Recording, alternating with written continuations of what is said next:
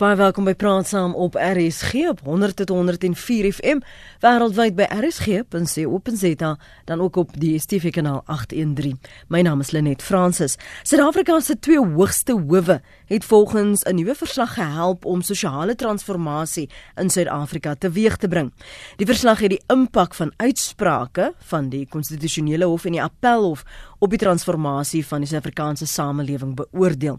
Tot dusver was die retoriek en die klem op sogenaamde radikale ekonomiese transformasie en veel minder op radikale sosiale transformasie. En dis waarna ons vanmôre kyk hoe ons 'n balans tussen die twee kan skep. Al dan nie.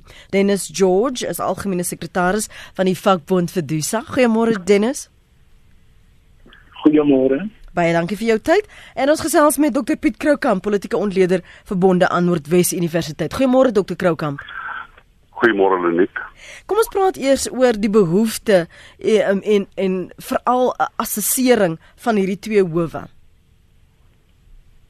Waarom was dit nodig? Begin jy by Dennis? Ja, ek begin by jou. Skus, jammer. O, oh, goed. Uh so, so jy jy jy doen jy jy jy spesifiek wat uh oor die registering van hierdie twee howe. Ja, ja, ja. Ja. Ek kyk ek van die regte wat eh, noem dit maar sosio-ekonomiese regte is reeds in die grondwet ondervang en dit is reeds deur wetgewing in die grondwet of is dit reeds in die verlede vasgelê dat uh dat die burger bepaalde sosio-ekonomiese regte het. Met ander woorde die dit, dit gaan nie net oor oor oor, oor regte wat uh, sê net maar 'n liberaal demokratiese grondwet ondervang is. Dit gaan ook oor regte wat maatskaplike tipe van verpligtinge weens uh weens die samelewing het.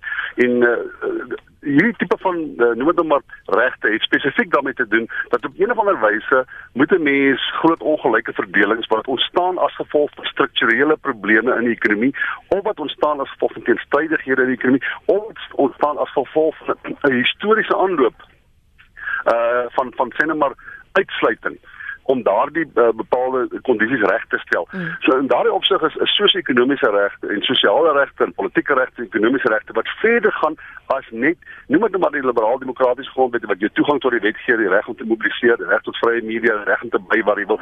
Daar is ander regte wat aan jou bepaalde maatskaplike uh, voordele gee. Dit is waar waarop jy hoewe konsentreer. Ek dink dit is van kritiese belang veral as gevolg van noem maar, maar die die uitsluiting van die verlede. Mm. So ons net ter voorbeeld kan verwys na section 27 se herhaaldelike pogings om die departement van hoër on, van onderwys byvoorbeeld te dwing om boeke in in die ooskap af te lewer by skole.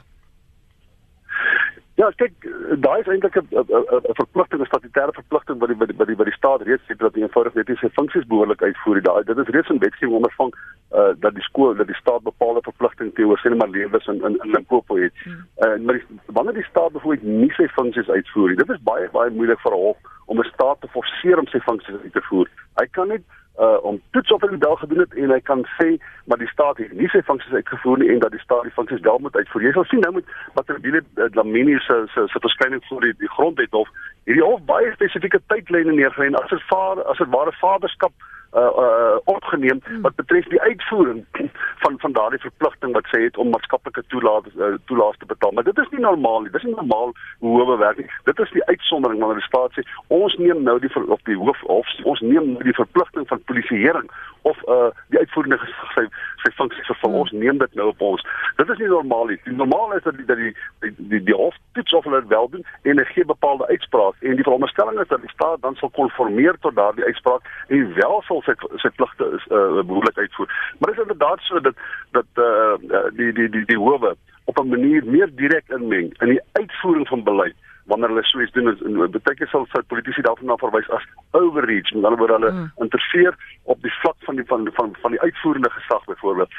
En en dit is maar altyd 'n baie fyn lyn, maar in in in 'n land soos Suid-Afrika waar die staat relatief swak is in die uitvoering van sy verpligtinge, is dit soms so dat die hof minstens 'n morele verpligting opneem staat daaraan nie alleen te herinner om sy om sy pligte uit te voer nie, maar dat die staat dit ook af die die hof hof dit ook begin polisieer as dit ware. So nou wat verstaan ons onder 'n radikale sosiale transformasie dan Dennis? Ja, ek um, dit is ehm um, belangrik om af te kyk dat jy weet uh, transformasies natuurlik om veranderinge te weet te bring spesifiek in die ekonomie en en so meer weet maar baie van die politieke mense het die geneigtheid om jy weet byvoeglike voorname voor jy weet iets te plaas mm. of nou iets radikaal te maak. Maar wat het, wat dat was werklik beteken um, om om ons as om die ekonomie meer inklusief te maak, uh more inclusive, as jy die Engelse woord sê. En dan ook meer mense betrokke te kry in die ekonomie. As jy mens nou kyk byvoorbeeld in die geval van Suid-Afrika, het ons byvoorbeeld uh 4.5 miljoen jong mense wat byvoorbeeld nie in onderwys is nie of of on uh of nie in werk is nie en en en hierdie mense voel totaal en al uitgesluit en daar sien nou dat die regering aan hierdie mense verskaf nie. As jy mens byvoorbeeld kyk hoe baie mense uitgesluit is in die ekonomie en in samewerking. Jy weet wel met graag kyk om die ekonomie te kry om vanaf te groei en ook te kry om meer mense in diens te neem. En dit is vir ons baie noodsaaklik. Dat ons mense kyk aan die ander kant wat die regering sê en wat die regering doen is twee groot verskillende dinge. Ons kyk byvoorbeeld na die staat um, maatskappye wat die regering direk bestuur soos Suid-Afrikaanse Lugdiens. Ons kyk na Eskom, ons kyk na Sandra weet almal hierdie maatskappye is in groot finansiële probleme en hulle sit met groot uh, probleme waar leierskap en uh uh um, dit en dit veroorsaak 'n groot uh probleem van aan die kant van die private sektor dat hulle hulle eie doelwitte en hulle kyk wat hulle wil doen en hulle plaas byvoorbeeld omtrent 80% van die mense in werk en in die geval van die regering dit trek hierdie hele proses af Ehm um, Suid-Afrika het natuurlik um, van ons kant af uh gesien baie vordering gemaak. ons het byvoorbeeld 'n geval nou waar ons 320 miljard rand bestee op onderwys. En nou praat ons byvoorbeeld spesifiek van universiteite, basisonderwys, 'n uh, National Student Financial Aid Scheme en dan ook die technical vocational training. En en en, en dit is 'n groot bedrag van geld wat Suid-Afrikaners nou ehm um, bydra deur hulle belasting. As jy mens kyk na gesondheid, jy weet van deur ons omtrent 187 miljard rand. Dit is 'n fenomenale geld. Maar as mens kyk hoe operasioneel die regering die dienste uitlewer en hoe baie betrog in die stelsel is, weet, gaan gaan die voorbeeld voorbeeld byvoorbeeld nie direk na die na die na die mense toe. En dan die laaste area te doen. Dat is storie van social protection Ehm um, ons betaal byvoorbeeld vir mense wat 60 jaar oud en ouer is, omtrent 64 miljard rand elke maand. Dis omtrent 1500 rand uit. Jy weet so ons uh, in Suid-Afrika het baie vordering gemaak as ons kyk na voor 1994 en as ons vandag kyk, jy weet baie mense voordeel uit die staat trek. Ehm um, die belangrike ding is wat ons vra is hoe kan die sosiale vennote veroorsaak dat ons meer meer insluiting maak? Prit, deel jy die die punt wat Dennis sê ons het aansienlike vordering gemaak, glo jy ons het en want as jy kyk na die feit dat dat som, sommige mense nog steeds voel maar kyk waar is ek? Ek is geensins beter af as voor 94 byvoorbeeld nie. Het ons dan vordering gemaak of klein staptreetjies gegee en nie nie impak het ons nog net nie uh, uh, gevoel nie? Kyk dit is maklik om te sê as dit vordering gemaak het as aansienlik meer mense het water aansienlik meer mense het dat dit toegang tot elektrisiteit met met ander woorde mense kan sê dat daar bepaalde infrastruktuur bestaan wat aan mense die vermoë gee om hulle eie mobiliteit op te bou. Maar ons sit met met met probleme wat ons omtrent nog op geen wyse aangespreek het. Byvoorbeeld uh 60 tot 70% van alle huishoudings in Suid-Afrika word deur 'n vrou bestuur en daardie vrou is meer dikwels die enkelouer met alhoewel 90% van die gevalle is sy die enkelouer in daardie huishouding. Ja. Daai sosiale omstandighede is is, is sal nie deur die markekonomie aangespreek noodwendig word nie. Met ander woorde dit beteken nie as ons 3% ekonomiese groei het ons gaan daardie probleem opspreek uh, aanspreek nie. Die feit dat uh kinders in uh, groot word in huise waar daar nie 'n biologiese ouer is nie, waar daar 'n enkel ouer is, waar daar beperkte inkomste is, waar die vrou waarskynlik werkloos is, die ekonomiese groei van 3 en 4 en 5% wat ons kan potensieel groei, gaan nie daardie probleem aanspreek nie. Daar moet die staat 'n bepaalde verpligting opneem om uh, uh, uh die, nie deur wetgewing nie, maar deur praktiese fisiese betrokkenheid mm uh om daardie probleem aan te spreek en ek dink op hierdie stadium uh, kan mense nou nie die staat daarvan beskuldig dat hulle noodwendig vreeslik aksie pleeg om daardie probleem aan te spreek. Hulle probeer ekonomiese groei kry. Hulle probeer op 'n van die werkskepping in die hand werk. Maar sosiale probleme, ons moet onderskei tussen ekonomiese probleme en sosiale probleme. Sosiale probleme het 'n bepaalde geskiedenis en daar's 'n bepaalde argitektuur waarbinne die samelewing bestaan wat daardie sosiale probleme skep en in stand hou. Nou ten spyte ten die die die, die private sektor gaan nie daarvoor verantwoordelikheid neem nie. Mm want jy moet kapitaal spandeer daarop. Jy moet meer kapitaal daarop spandeer. Jy moet 'n bepaalde ingesteldheid. Die staat moet 'n gees van teenwoordigheid hê wat wat wat wat wat bewus is van daardie relatiewe onsigbare armoede as dit ware wat jy nie elke dag sien wanneer jy jou ekonomiese syfers lees nie. Mm. Daar moet die staat intree en betrokke raak en bepaalde aksies en planne uh, in in plek hê om daardie vorm van van noem dit net maar relatiewe armoede aan te spreek. Uh, en ek dink mens moet onderskei tussen dit wat ons goed doen, ons voorsien water, ons voorsien elektrisiteit. Uh, Daar's uh, 7, 8 miljoen me meer mense wat werk in die ekonomie as as in 1994. Maar die feit bestaan is ons sit met presies dieselfde hoeveelheid enkel moeders wat groot gesinne moet bestuur as in 1994. So wat het hierdie departement van maatskaplike en sosiale ontwikkeling dan bereik? Hulle hulle hulle waarskynlik elke jaar 'n uh, uh, groot deel van die begroting spandeer en hulle dit uh, gespandeer op die instandhouding van salarisse. Ek weet uh, soveel is 50 en party departemente self 60 en 70% van hulle van hulle uh, hulle begrotings gaan aan salarisse. Met ander woorde, jy sit op die ou met 10 en 15% van die totale begroting van die departement wat werklik spandeer word op dit wat die funksies is van daardie departemente. Mm. En wanneer hulle dan nou daar 10, 15 of 20% spandeer, dan het dit 'n bepaalde prioriteitslys wat moet meetbaar wees, dan moet uitkomste wees. En dit word dikwels gemeet aan sien maar infrastruktuur skep. Wanneer dit kom by maatskaplike dienste, is daar baie nie eens 1% van daardie begrotings wat spandeer word nie. Nou dit kan jy net regkry deur politici en birokrate te oortuig dat jy moet eers daardie funksies die die die die die, die, die geografie van die samelewing die die die die struktuur die historiese struktuur dit wat mense terughou wat nie noodwendig meetbare syfers is nie. Jy moet byråkrate kry om daarin te belê en daarin te investeer.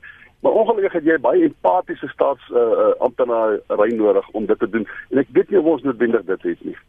Maar nou Dennis, ons het nou hierdie wonderlike droom gehad van 'n nasionale ontwikkelingsplan wat nou die visie uiteengesit het En meeste van dit het nog nie eens gebeur nie. So waarop maak ons staat? Waarop wag ons?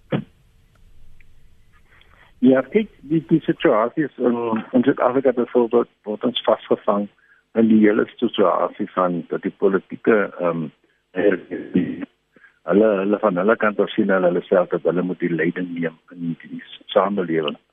Maar dan in dieselfde tyd ons ook die situasie dat daar gereeld verkiesings is. Byvoorbeeld elke ehm uh, 'n 'n plaaslike regering en dan ook 'n nasionale regering soos nou kry en dan ons ook 'n situasie waar die politieke partye ook hulle eie ehm um, gevegte het in politiek wanneer hulle eie organisasies regte kry.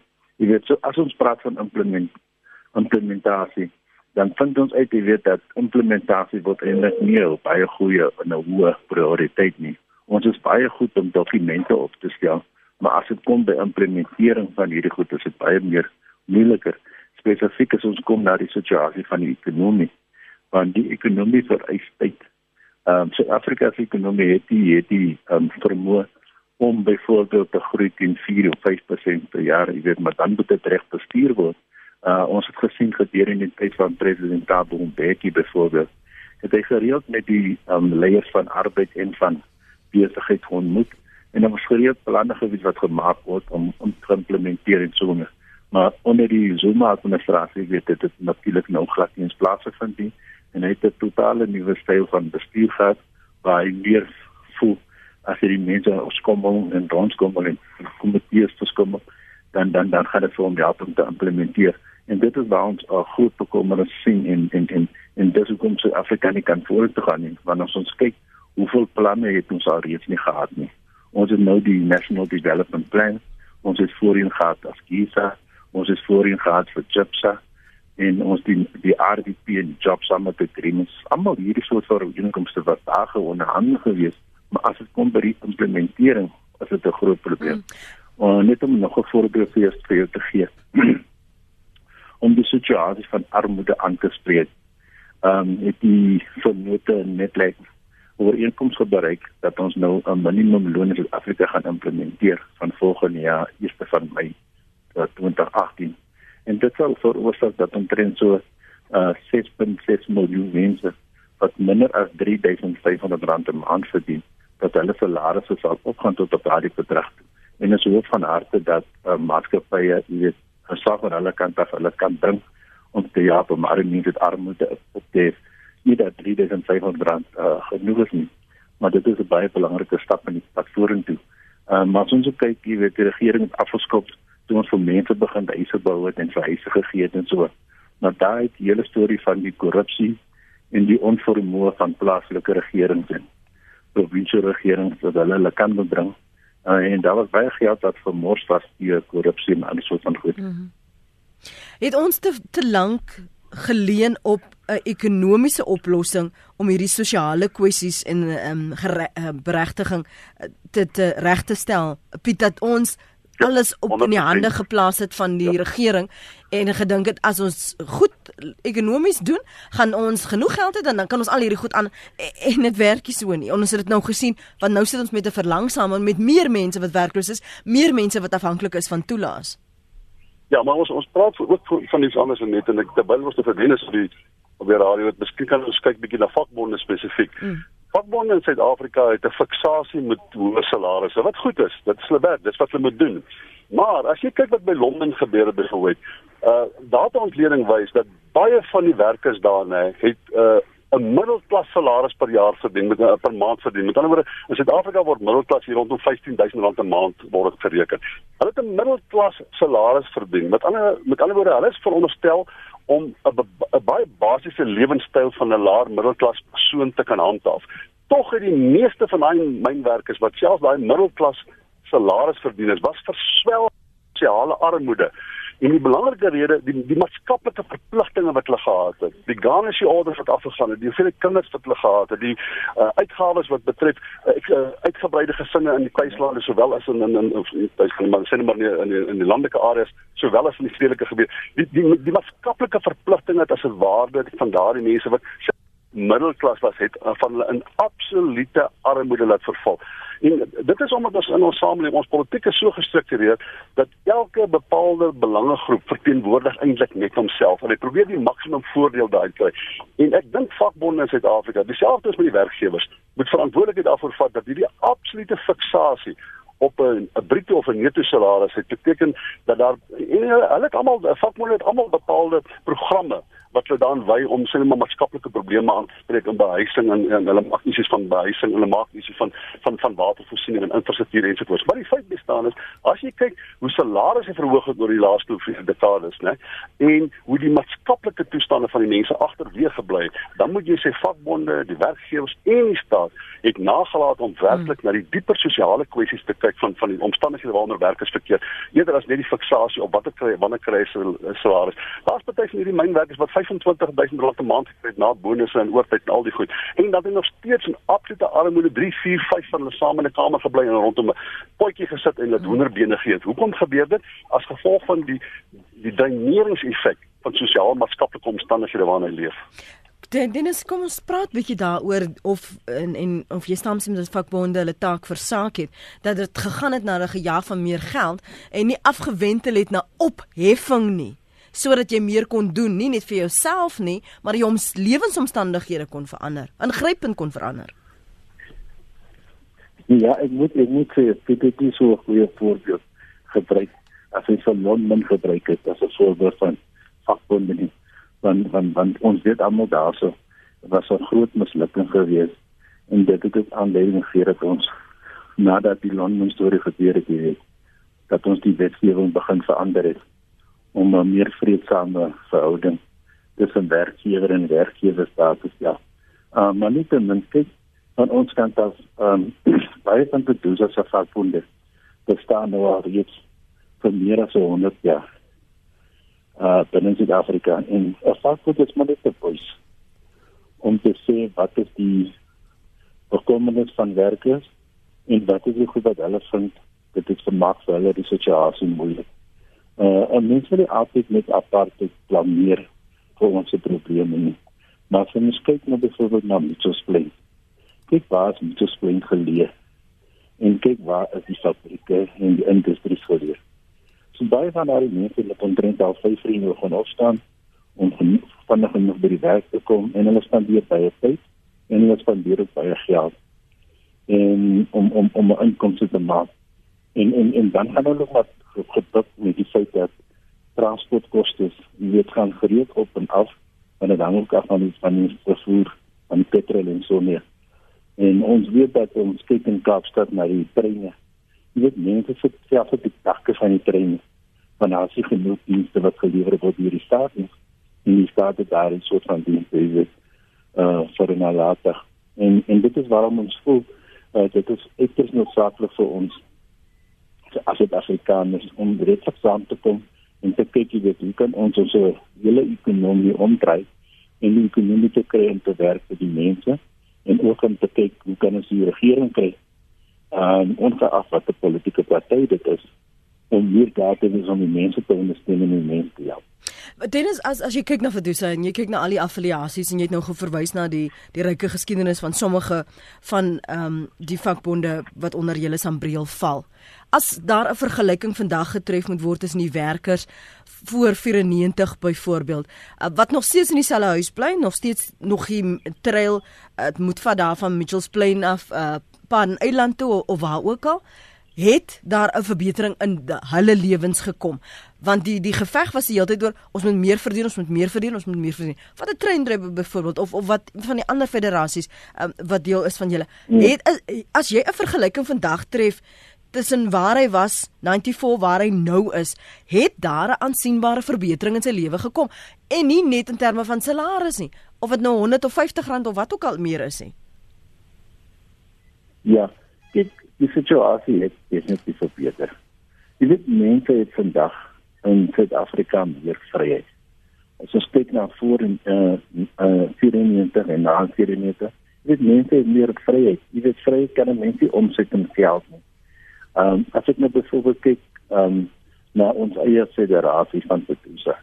Ons het byvoorbeeld gehad voor in 94, jy weet, wat baie van hierdie betrekkings binne in Transnet byvoorbeeld was gereserveer gewees vir blanke mense. 'n uh, 'n uh, 'n uh, swart persoon kon nie byvoorbeeld aansoek doen vir sekere senior poste nie. En dit het veroorsaak dat baie van ons mense verarm was. Vandag kyk ons daarna dan word ons meer die persoon is nou assistent bestuurder, die persoon is nou um, gepromoveer na hierdie senior posisie toe en so meer. En en so van ons kant definitief sê dat dit is ons mense het baie voorheen getrek jy kan vir nog 'n voorbeeld gee van ons pilots. Jy weet uh voor 1994 was daar nie swart pilots gewees wat vir gevlieg het vir SAA of die ander ma plaaslike maatskappye nie. Vandag het ons inderdaad meer as 450 van hierdie pilots en nie net mans nie, maar ook dames. Um so daar is meer geleenthede vir ons mense. Daar is meer uh kanse dat mense kan uitlewe Maar daar is ook ander probleme wat toegeneem het. As ons kyk na die situasie van uh die drugs in die Weskaap, jy weet hoe mense hulle self vergooi. Jy weet dit vryheid bring ook aan die ander kant uh van die van die van die punt dat mense moet verantwoordelikheid vat vir hulle eie lewens. En en en en dit is baie noodsaaklik en belangrik. En uh van ons kant af voel ons dat uh selfs by die onderwyskant uh het mense byvoorbeeld besef dat lifelong learning 'n belangrike aspek as jy net vir jouself wil verbeter en vir jouself wil uh beter posisie in die samelewing wil en dit is vir ons goed dat nie verlede nie daar was nie. Piet ons het in die verlede was die klem so sterk op better life for all. Verkiesingsveld tog na verkiesingsveld tog was dit die retoriek vir better life for all. Maar as jy nou kyk hoe toenemend um nie regeringsorganisasies byvoorbeeld die regering hof toe moes neem om die basiese funksies wat hulle moes doen uh, op uh, te lewer. Hoe hoe het ons gekom tot daai punt dat ons glad nie in voeling is met wat die ware behoefte is nie? Hulle leef ons net verby mekaar. Ja, ons ons doen dit inderdaad. En en jy nou Dennis luister dan bevestig dit weer eens my punt. As jy kyk na byvoorbeeld die regering se beleid. Tydens Thabo Mbeki se presidentskap het die ekonomie op staan tussen 5 en 6% gegroei. En daardie selfde tyd weet ons wat ons het genoem jobless growth. Met ander woorde, mm. die ekonomie het gegroei. Uh daar was die die skeiding tussen ryk en arm met eksponensieel verder, maar daar was nie werklik geleenthede geskep vir mense nie.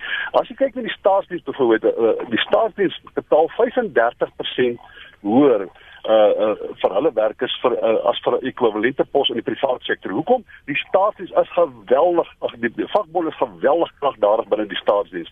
In die mynbedryf het daar was meer as 'n miljoen werkers wat in die mynbedryf gewerk het. Vandag is daar 400 000 en toevallig vakbonde is geweldig sterk daar en die myne in Suid-Afrika wat vandag gewins maak is hoofsaaklik gemekaniseer en te tegnologies gedrewe. Daar waar ons arbeidsintensiewe myne, daar is aardbesteen geweldige verliese. So my argument is nog steeds, die regering het 'n fiksasie met ekonomiese groei gehad. Ekonomiese groei is belangrik, maar as dit nie op 'n maatskaplike wyse daardie voordele van groei afwentel nie, dan is dit betekenisloos en eintlik kan net die staat dit doen. Vakbonde en elke bedryf waar vakbonde betrokke was in Suid-Afrika, was daar noem dit maar relatiewe ekonomiese groei. Daar was 'n hoë konsentrasie van kapitaal vir die mense wat reeds werk het en daar was geen afwendeling van sosiaal-maatskaplike uh, voordele na mense wat buite die arbeidsmark is nie. Vakbonde in Suid-Afrika verteen mense. Hulle vermeerder die voordele. Hulle vreet meer van die vet terwyl daar minder vir die res van die mense is. Die 9 miljoen mense in Suid-Afrika wat werkloos is, sal nooit weer werk nie. Ek het die ander dag gekyk op televisie. Dit was eintlik vir my 'n verskriklike tragiese gesig. Daar staan daar 'n jong man, hy lyk vir my 30 jaar oud en hy sê vir iemand wat hom onderhoud voer, hy, hy sê, "Sir, I, I want a job in my lifetime."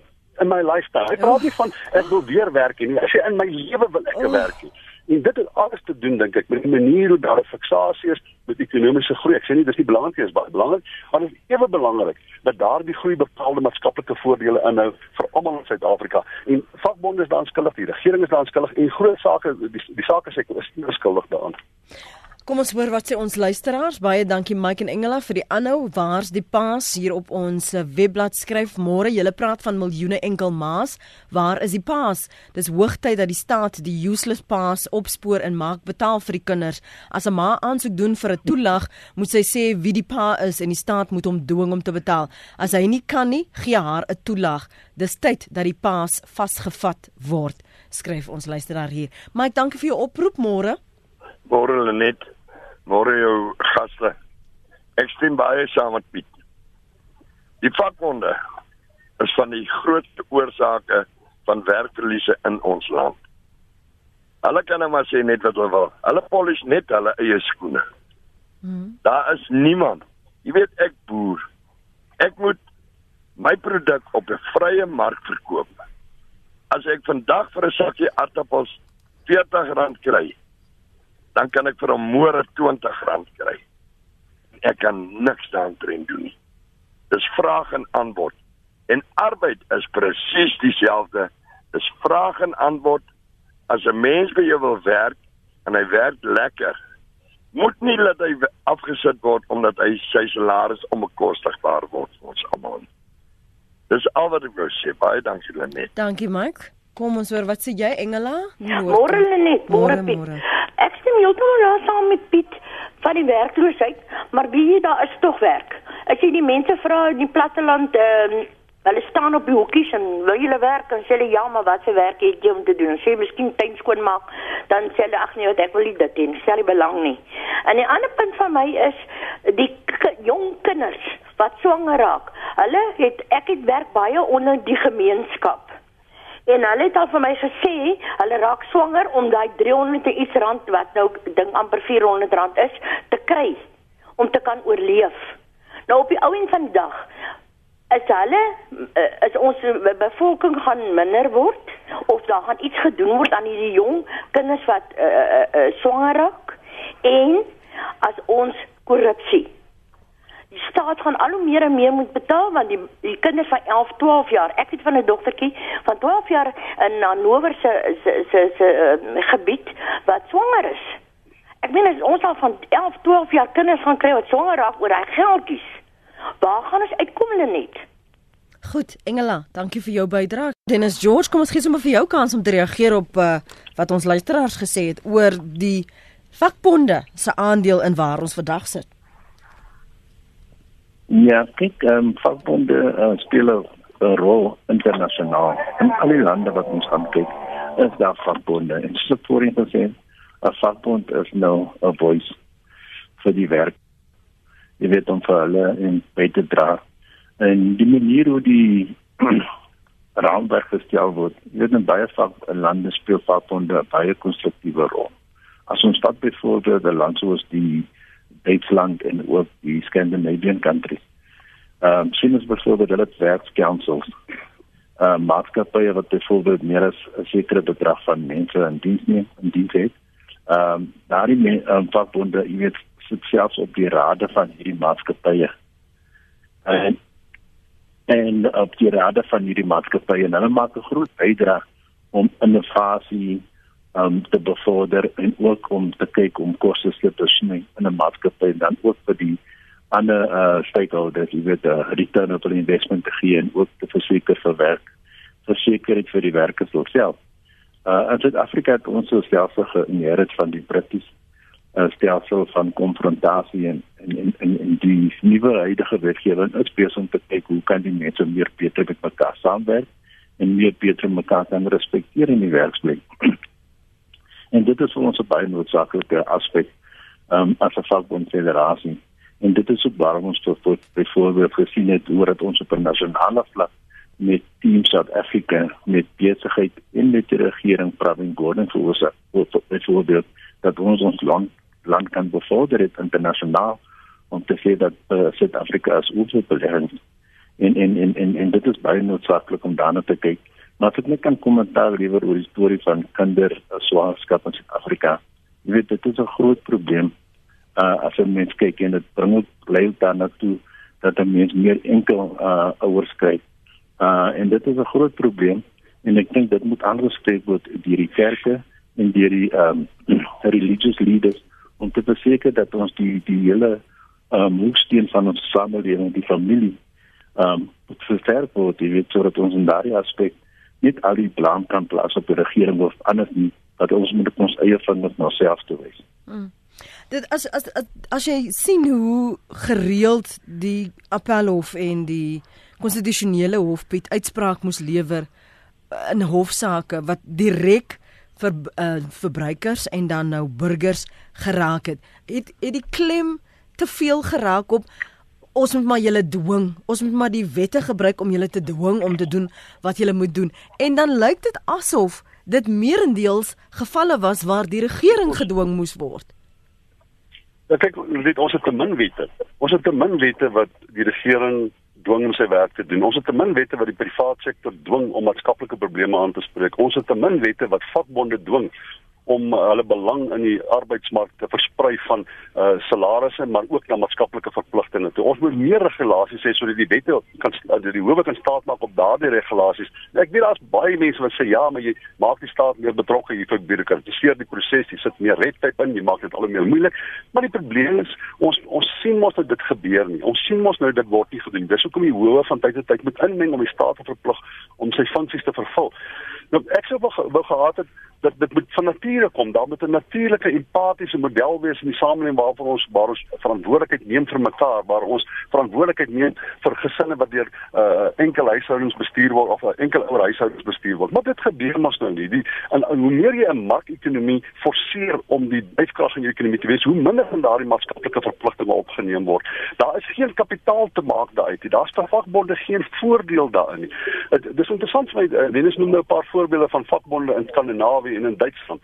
Maar nie een van daai werkers is is is 'n laer middelklas werker nie. Dis almal hoër middelklas werkers. Ons sit met 'n situasie waar 90% van die arbeidsmark byvoorbeeld op plase maak nie 'n beduidende verskil in jou produktiewe som nie. Hy is net te koste daar. Hy het nie die skolastiese ervaring of die maatskaplike omstandighede om hom te verdiskonteer in die produktiewe som nie. Dit is waar ons probleme lê. Dit is die, die dinge waarvan jy praat wanneer ons sê ons moet 'n bepaalde morele verpligting opneem teenoor mense wat uitgesluit is van die ekonomie.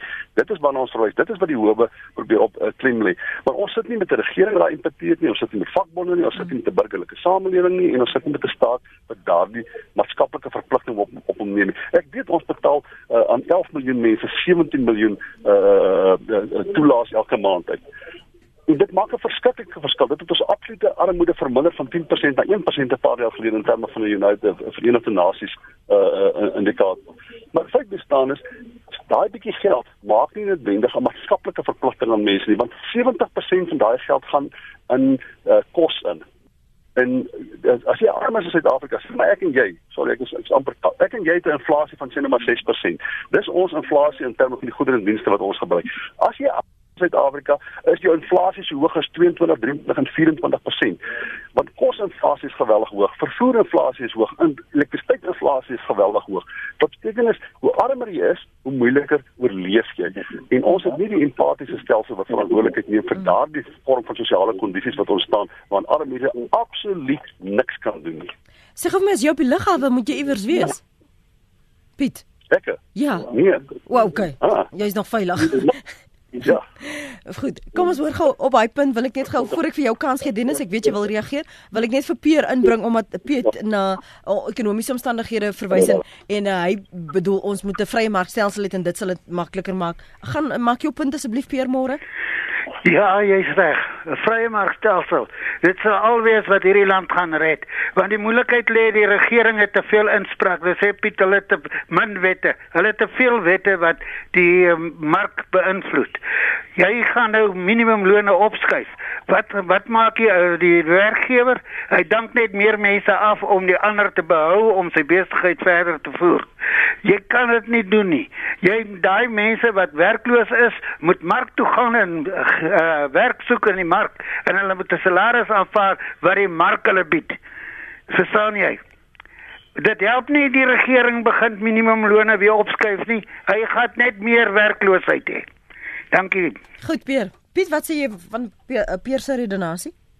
Ja, dit verstaan ek verkeerd. Ek het jy's 'n probleem daarmee dat salarisse ongebreideld opgeskryf word ten koste van sosiaal-maatskaplike verpligtinge. So uh, ek wil ek praat oor die minimumloon, dis deel van wat vakbonde beding. My argument is, wat maak jy om die sosiaal-maatskaplike verpligtinge, die noem dit maar sosiaal-maatskaplike empowerment, bemagtiging. Wat doen jy dan om mense beter kondisies te skep waaronder hulle na hulle self kan omsien? Ek verwys nie na salarisse nie.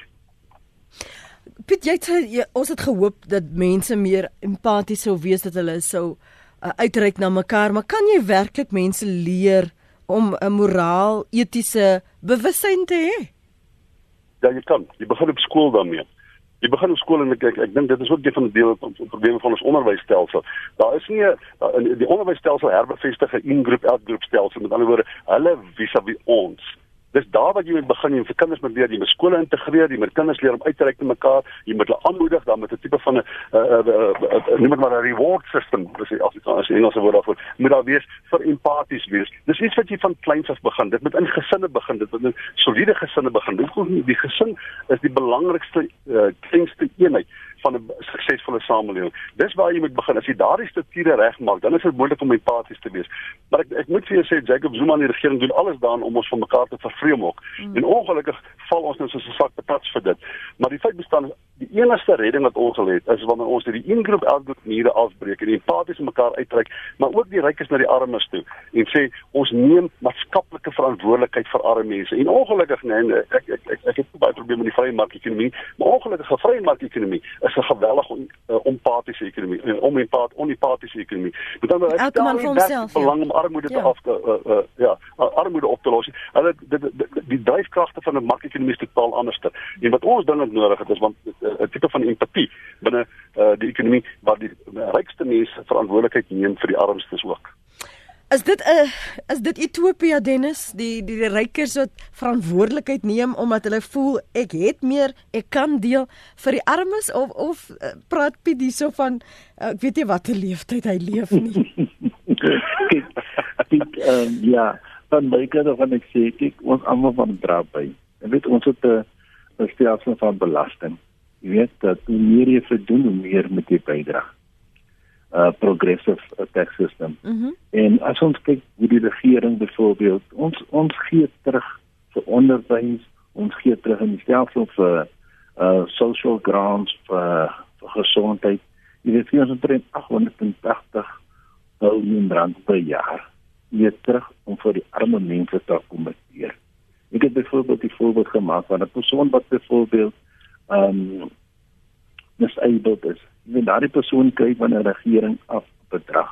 Jy weet ek kan nou net 'n voorbeeld noem my broer wat byvoorbeeld nou 'n paar maande terug oorlede is. Ek het net altyd met mekaar beklei.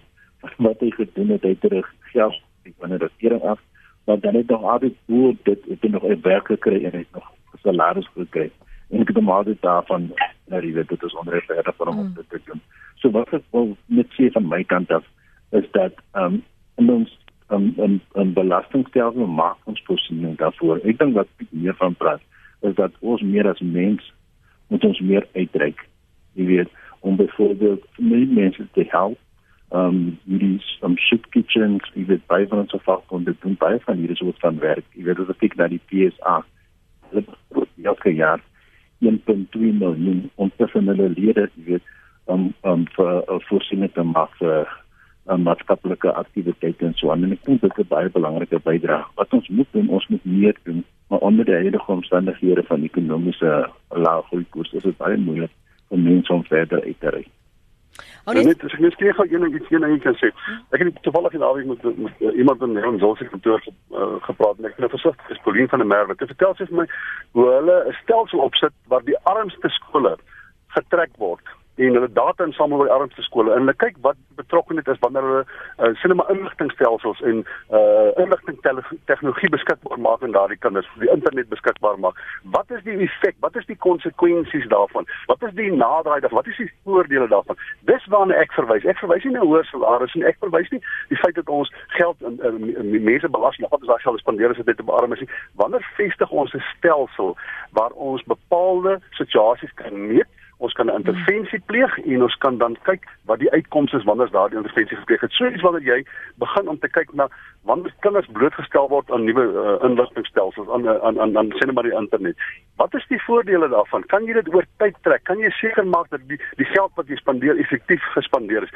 Dit is 'n dit is 'n voorbeeld van wanneer jy nie net die mense wat empaties is nie, maar die stelsel leen om tot empatie, die stelsel leen om tot betrokkenheid by armes. Hmm. En dis nie net uh, in woorde wat hy doen nie. Jy het die data om te bewys dat die geld wat jy spandeer wel wel 'n wesentlike verskil maak. En ek dink dit is dis die manier hoe die staat moet funksioneer. Hy moet behoorlik rekord hou van die armes, mm. hulle omstandighede. Mm wat dit kos om dit verander, watter intervensies hulle pleeg en wat die uitkomste daarvan is. En as dit nie behoorlike uitkomste lewer nie, dan moet jy jou beleid verander sodat dit wel uitkomste lewer. Dit is 'n empatiese stelsel. En dit is wat jy dan kan motiveer as ons sê het mense se lewens verander al dan nie, want jy het die bewyse en nie maak nie net staak op een man se se se verhaal en dit dit as 'n veralgemening gebruik nie. Kom ons skep gou asem ons ons terugkom en dan vra ek ons gaste om op te som uh, vir al ons ons praat. Ja, Dennis?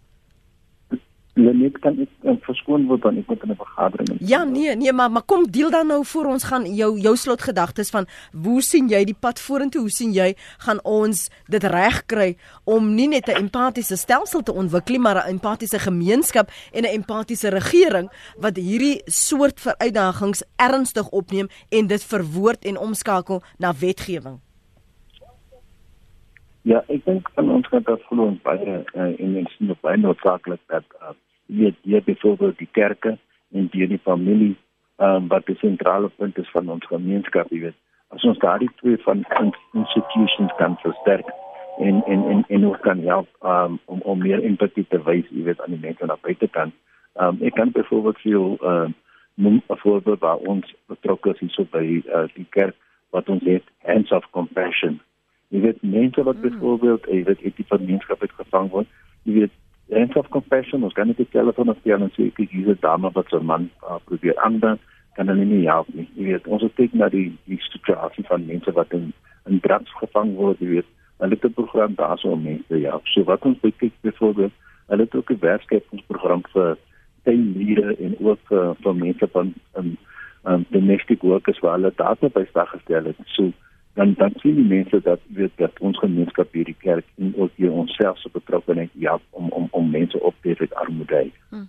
Baie dankie vir jou tyd Dennis, sterkte met jou vergadering. Sheila skryf hier op ons sosiale media Uh, waar is nou courts must make fathers pay for children they make medical food clothes schooling etc many fathers hide their money eat in restaurants takeaways gamblers uh, and then plead poverty mothers are the cleaners, the teachers, the caretakers, the cooks, get the children to school, pays rent, etc. She ends up suffering while the man has a jaw, uh, skryf Sheila. En dan 'n ander luisteraar wat uh, sê hoe hulle moes aanpassings maak. Ek is werkloos nou vir net onder 'n jaar en na spring hy nou weer. Ek is 50 en blank en blank het R16000 'n maand verdien.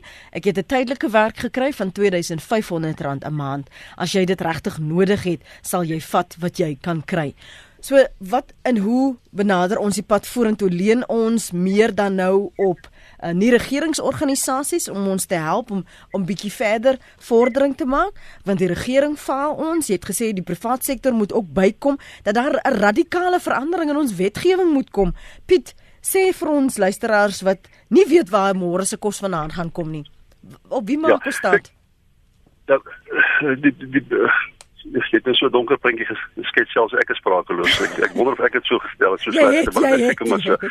Ja, dit is 'n dit dit dit is 'n donker prentjie en maar maar vir my gaan dit nie net uh, oor die feit dat uh, um, die ekonomiese syfers en die lae werkloosheid en dit dit gaan vir my oor meer is dit dit gaan vir my daaroor dat dit heeltemal moontlik is. Ons het nie empatie met mekaar nie. Die wit mense is kapitalisties, die swart mense is sosialisties. Die wit mense is ryk, die swart mense is arm. So dit dit, dit gaan nie net vir my oor daardie syfers nie. Dit gaan vir my dit is moontlik om niemand net maar 'n statutêre argitektuur te skep soos wat ek te verwys het na die Weskaap, maar daar is trekkingstelsels om te kyk waar is die arme mense? Wat is die konsekwensies van hulle armoede? Hoe kan ons dit oplos? Hoe wat kos die intervensie? Wanneer dit gepleeg het, is daar 'n bepaalde voordeel. Hoe kom ons verander om daardie voordeel te maksimeer? Dit is 'n manier om 'n stelsel te skep wat empatie verhoog in die samelewing, wat dit meetbaar maak, wat dit prakties maak en ons moet dit op alle vlakke van die samelewing op sentrale regering, provinsiale regering, plaaslike regering, want ons mense het dit nie. Ons moet gekondisioneer word om empatie te hê. Ons het dit ongelukkig nog nie en dit gaan dit ook nie binnekort hê gegee die heersende omstandighede. 'n Markekonomie gaan dit ook nie vir ons gee nie.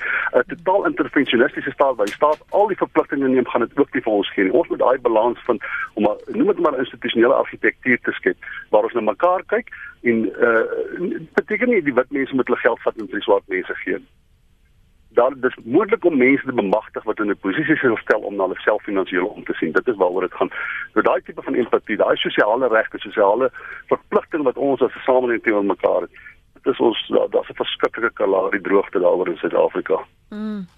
Jef, ons moet nog so baie praat en man nie net so vassit by die praat nie, ons moet begin dit doen want dit verbeter nie en dit lei tot groter frustrasie en ons sien ons groter protesoptogte van mense wat voel maar uh, ons is ontneem, ons word ontneem. Ons wil die land terug hê en dit en dit en dit moet gebeur en en die prosesse wat dit moes ondervang en onderbou, dis nie eers in plek nie. Dis nie eers in plek nie. Dankie vir jou ja, tyd vanmôre. Waar waardeer dit Dr Piet Kroukamp politieke ontleder verbonde aan Noordwes Universiteit en dan ook dankie aan Dennis George algemene sekretaris van die vakbond Fedisa.